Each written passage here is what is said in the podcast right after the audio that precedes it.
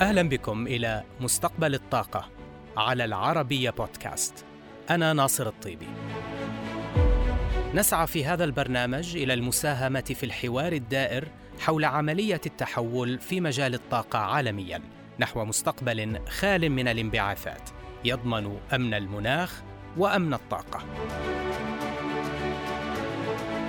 ثلاثة شرايين أساسية لإمدادات الغاز إلى أوروبا. تدور حولها الكثير من الإشكالات السياسية هذه الأيام فيما تعاني القارة العجوز من ارتفاع قياسي لأسعار الغاز ونقص في المخزونات قبل دخول موسم الشتاء.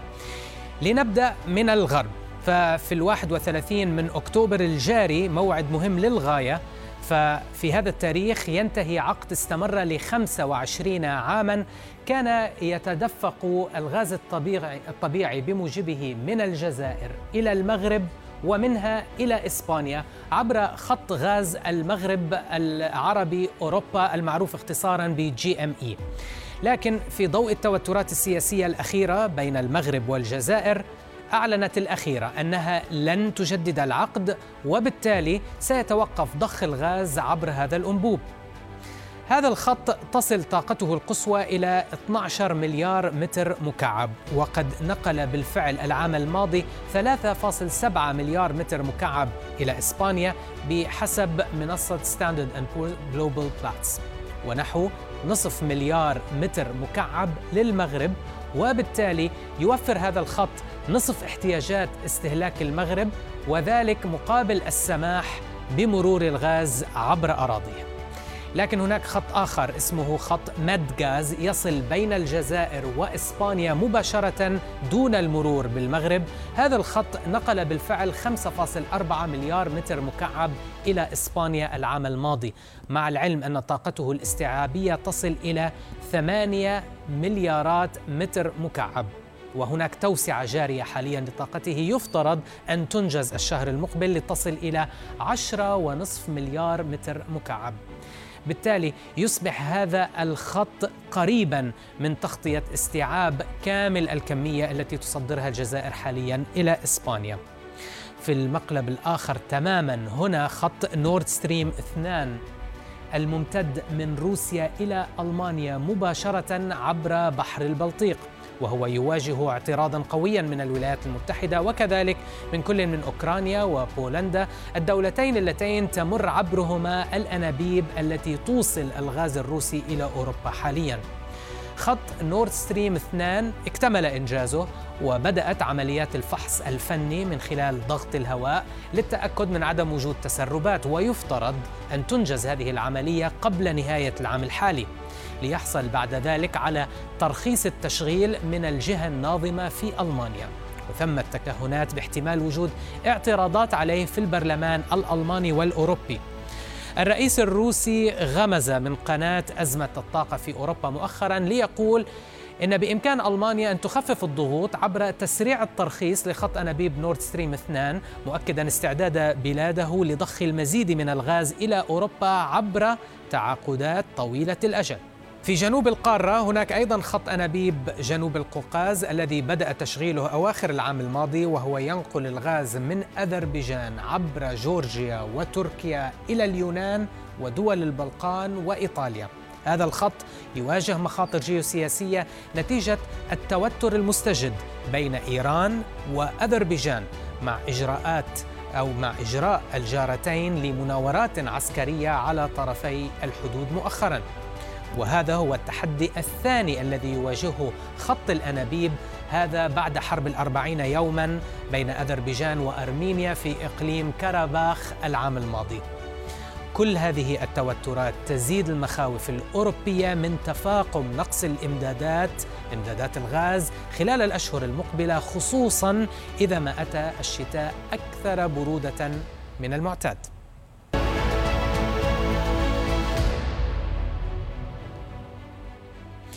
وحول أزمة الغاز التقيت البروفيسور جوناثان ستيرن الباحث في شؤون الغاز في معهد أكسفورد لدراسات الطاقة.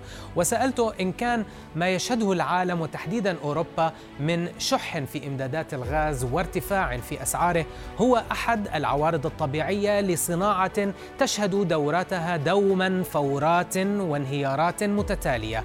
أم أن ما نعيشه اليوم هو نتيجة عملية أو نتيجة عملية تحول غير منتظمة في الطاقة. Thank you very much. Pleasure to be here. شكرا جزيلا. أنا سعيد لوجودي هنا. أعتقد بأن كلا العاملين كان لهما أثر مهم في التطورات الأخيرة. لكن الأمر الذي فاقم من دورة الفورة والركود هو الجائحة حيث أنها أدت بالبداية إلى ركود حاد ومن ثم إلى تعاف حاد أيضا. لذا لدينا عوامل شتى تضافرت جميعها لتشكل عاصفة مكتملة العناصر. وبالطبع فإن الشتاء البارد الذي عشناه العام الماضي لم يساعدنا حيث أدى ذلك إلى انخفاض مخزوناتنا من الغاز بأكثر من المتوقع وبالتالي هذه الأمور جميعها افضت إلى حالة استثنائية It's really extraordinary situation. بروفيسور هل تعتقد بأن روسيا لها يد فعلا في أزمة الغاز الأوروبية مستهدفة تعزيز وضع خط الأنابيب الجديد نورد ستريم 2 والذي ما زال يحتاج إلى موافقة تنظيمية أوروبية ليبدأ بضخ الغاز مباشرة إلى ألمانيا؟ الموقف الروسي معقد وخط أنابيب نورد ستريم 2 جزء من هذا التعقيد. قبل سنوات عملت لمدة خمسة أعوام كالمتحدث عن الاتحاد الأوروبي في المجلس الاستشاري للغاز الأوروبي الروسي. وكان الروس وقتها يطالبوننا مرارا وتكرارا بعدم الانتقال بسوق الغاز إلى ما هي عليه اليوم من منظومة. تعتمد على التسليم الفوري والأسعار الفورية. فالروس مقتنعون تماما بأن الطريقة الأمثل لتجارة الغاز هي عبر عقود طويلة الأجل مرتبطة بأسعار النفط. وما قلناه للروس وقتها كان لا نريد الانتقال إلى سوق فوريه للغاز.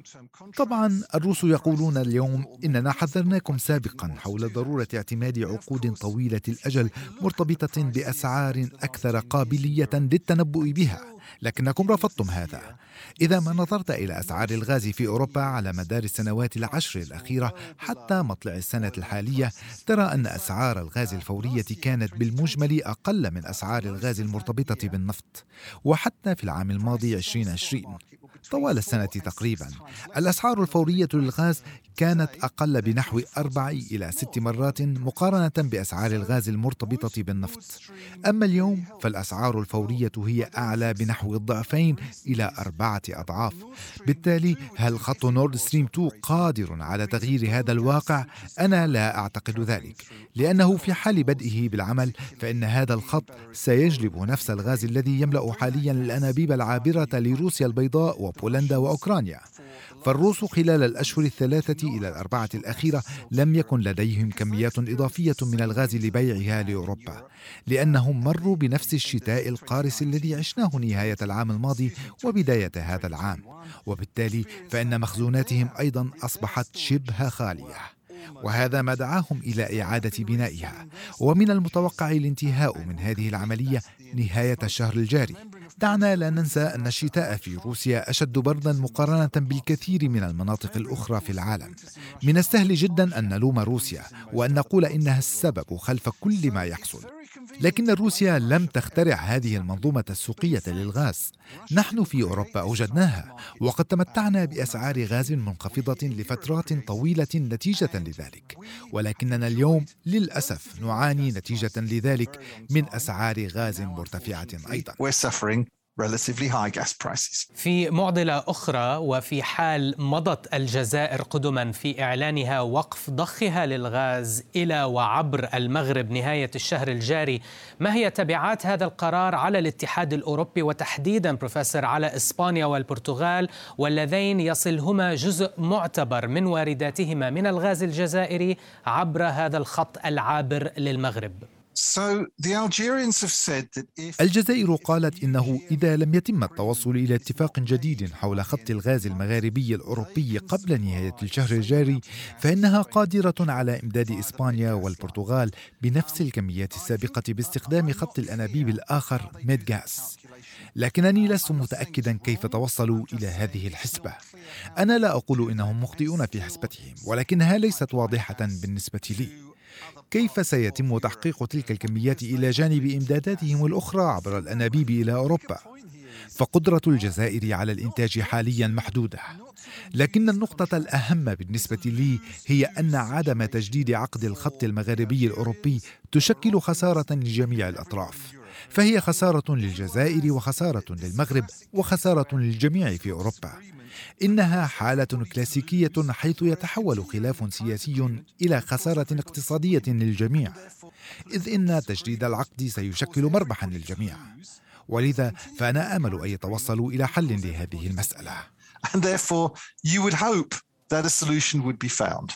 في ضوء كل هذه التطورات الأخيرة آه، في أسواق الغاز، هل استطاع الغاز أن يثبت نفسه كوقود تجسيري في عملية تحول الطاقة أم على العكس الأحداث الأخيرة ستشير إلى ضرورة تسريع وتيرة التحول والقفز فوق الغاز؟ So هناك وجهات نظر عدة حول هذا الموضوع. أولا في حال استمرار أسعار الغاز المرتفعة وأنا لا أتوقع ذلك، أو على الأقل لن يتجاوز الأمر أكثر من عدة أشهر مقبلة. ولكن في حال استمرارها فأنا أرى أن الغاز سيصبح مرتفع الثمن وغير منافس في الكثير من المناطق في أوروبا. وستصبح أنواع الوقود الأخرى الأكثر تلويثا ستصبح أكثر تنافسية من من حيث الكلفة وستستبدل الغاز. وهذا أمر سيء جدا لأسباب عديدة. ولكني أرى أن عملية التحول في مجال الطاقة قد انطلقت وهي قيد التنفيذ في أوروبا خاصة في شمال غرب أوروبا وإيطاليا وإسبانيا. هذه الحكومات التزمت بتعهدات طموحة تشمل التحول بعيدا عن الوقود الأحفوري. بما فيها الغاز وبالتالي برأيي فإن الأزمة الحالية في حال استمرت طويلا ستقنع المواطنين الذين يستخدمون الغاز إضافة إلى الشركات التي ما زالت تعتمد عليه لأغراض صناعية بأنه من الضروري تسريع وتيرة الانتقال بعيدا عن الغاز. وهذا تطور خطير بالنسبة لصناعة الغاز في أوروبا وبالنسبة أيضا للدول التي تمد أوروبا اليوم بالغاز عبر الأنابيب أو الغاز المسال. الاتحاد الأوروبي يدرس اليوم مشروع قرار لشراء وتخزين مخزونات استراتيجية مشتركة من الغاز. هل هذا ضروري في رأيك بروفيسور وهل هو قابل للتحقيق بشكل سريع؟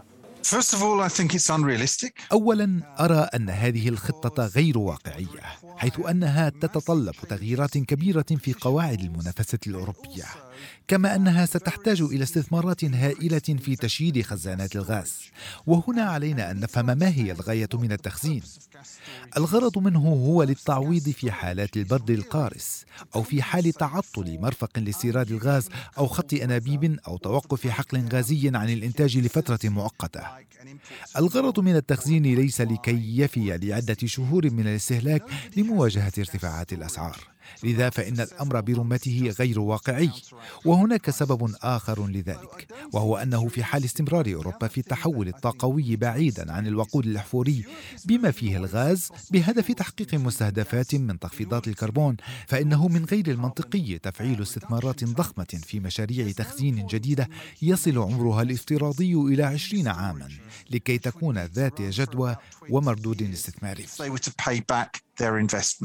أخيرا كيف تتوقع أن تؤثر كل هذه الأحداث الأخيرة في آه، سوق الغاز وأسواق الطاقة عموما على النقاشات في مؤتمر المناخ في غلاسكو وعلى مخرجاتها فيما يتعلق بعملية التحول في الطاقة؟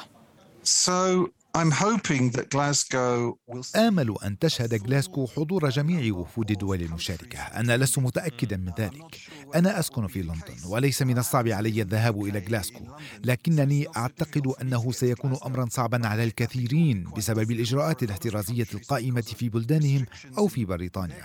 لكني آمل مشاركة أكبر عدد من الوفود وآمل أن ينجح هذا المؤتمر. لكن علينا أن نكون حذرين بعض الشيء لأن المشكلة هي أن الجائحة غيرت الأولويات بالنسبة للكثير من الدول وهذه الأزمة الأخيرة في أسعار الطاقة ستجعل الحكومات تفكر كثيرا حول القدرة المالية لمواطنيها ولشركاتها في تخفيض الانبعاثات. طبعا أنا أتفق مع جميع من يقول بأنه مهما فعلنا اليوم لخفض الانبعاثات سيكون أقل تكلفة مقارنة بعدم فعل شيء الآن لأن التكلفة سترتفع اضعافا مضاعفة خلال العقود المقبلة. وأنا آمل أن تعي الحكومات هذه الحقيقة ولكن الصعوبات التي واجهناها في تحقيق التعهدات بتمويل الدول الأفقر ب مليار دولار سنويا تجعلني قلقا بعض الشيء حول نسبة نجاحنا في هذا المؤتمر. آمل أن أكون مخطئا. تعبير له مغزاه. استخدمته دولة الإمارات في إعلانها عن أهدافها المناخية لعام 2050 فبدلا من التعبير السائد عالميا وهو الوصول إلى الحياد الكربوني أو ما يعرف بصافي صفر أعلنت الإمارات أنها تهدف للوصول إلى الحياد المناخي بحلول عام 2050 وهذا المصطلح الإماراتي يشير إلى نظرة أكثر شمولية في الملف المناخي تشمل كل انبعاثات الغازات الدفيئة وتشمل أيضا مقاربات مختلفة في إدارة انبعاثات الكربون واحتجازها وإعادة استخدامها بما لا يضر بالمناخ. الجدير بالانتباه أن الإمارات هي أول دولة في الشرق الأوسط وشمال إفريقيا تعلن عن هدفها لتحقيق الحياد أو الحياد المناخي. ويأتي إعلانها قبل ثلاثة أسابيع من قمة المناخ في غلاسكو كوب 26 وقبيل القمة المهمة جدا والمرتقبة في السعودية لمبادرة الشرق الأوسط الأخضر التي ستسبق قمة المناخ. ومن اللافت أن دولة الإمارات تقدمت بملف استضافة الدورة الثامنة والعشرين لمؤتمر الدول الأطراف اتفاقية الأمم المتحدة الإطارية بشأن تغير المناخ وهي الكوب 28 التي من من المحتمل أن تقام في أبو ظبي في عام 2023. استراتيجية الإمارات المناخية تتضمن استثمار ما يزيد عن 600 مليار درهم في تطوير مشاريع الطاقة النظيفة والمتجددة بحلول عام 2050 وتشمل رفع مساهمة الطاقة النظيفة بمزيج الطاقة إلى 50% وخفض انبعاثات الكربون من إنتاج الكهرباء بنسبة 70% كما تهدف الاستراتيجية إلى رفع كفاءة الاستهلاك الفردي والمؤسسي بنسبة 40%.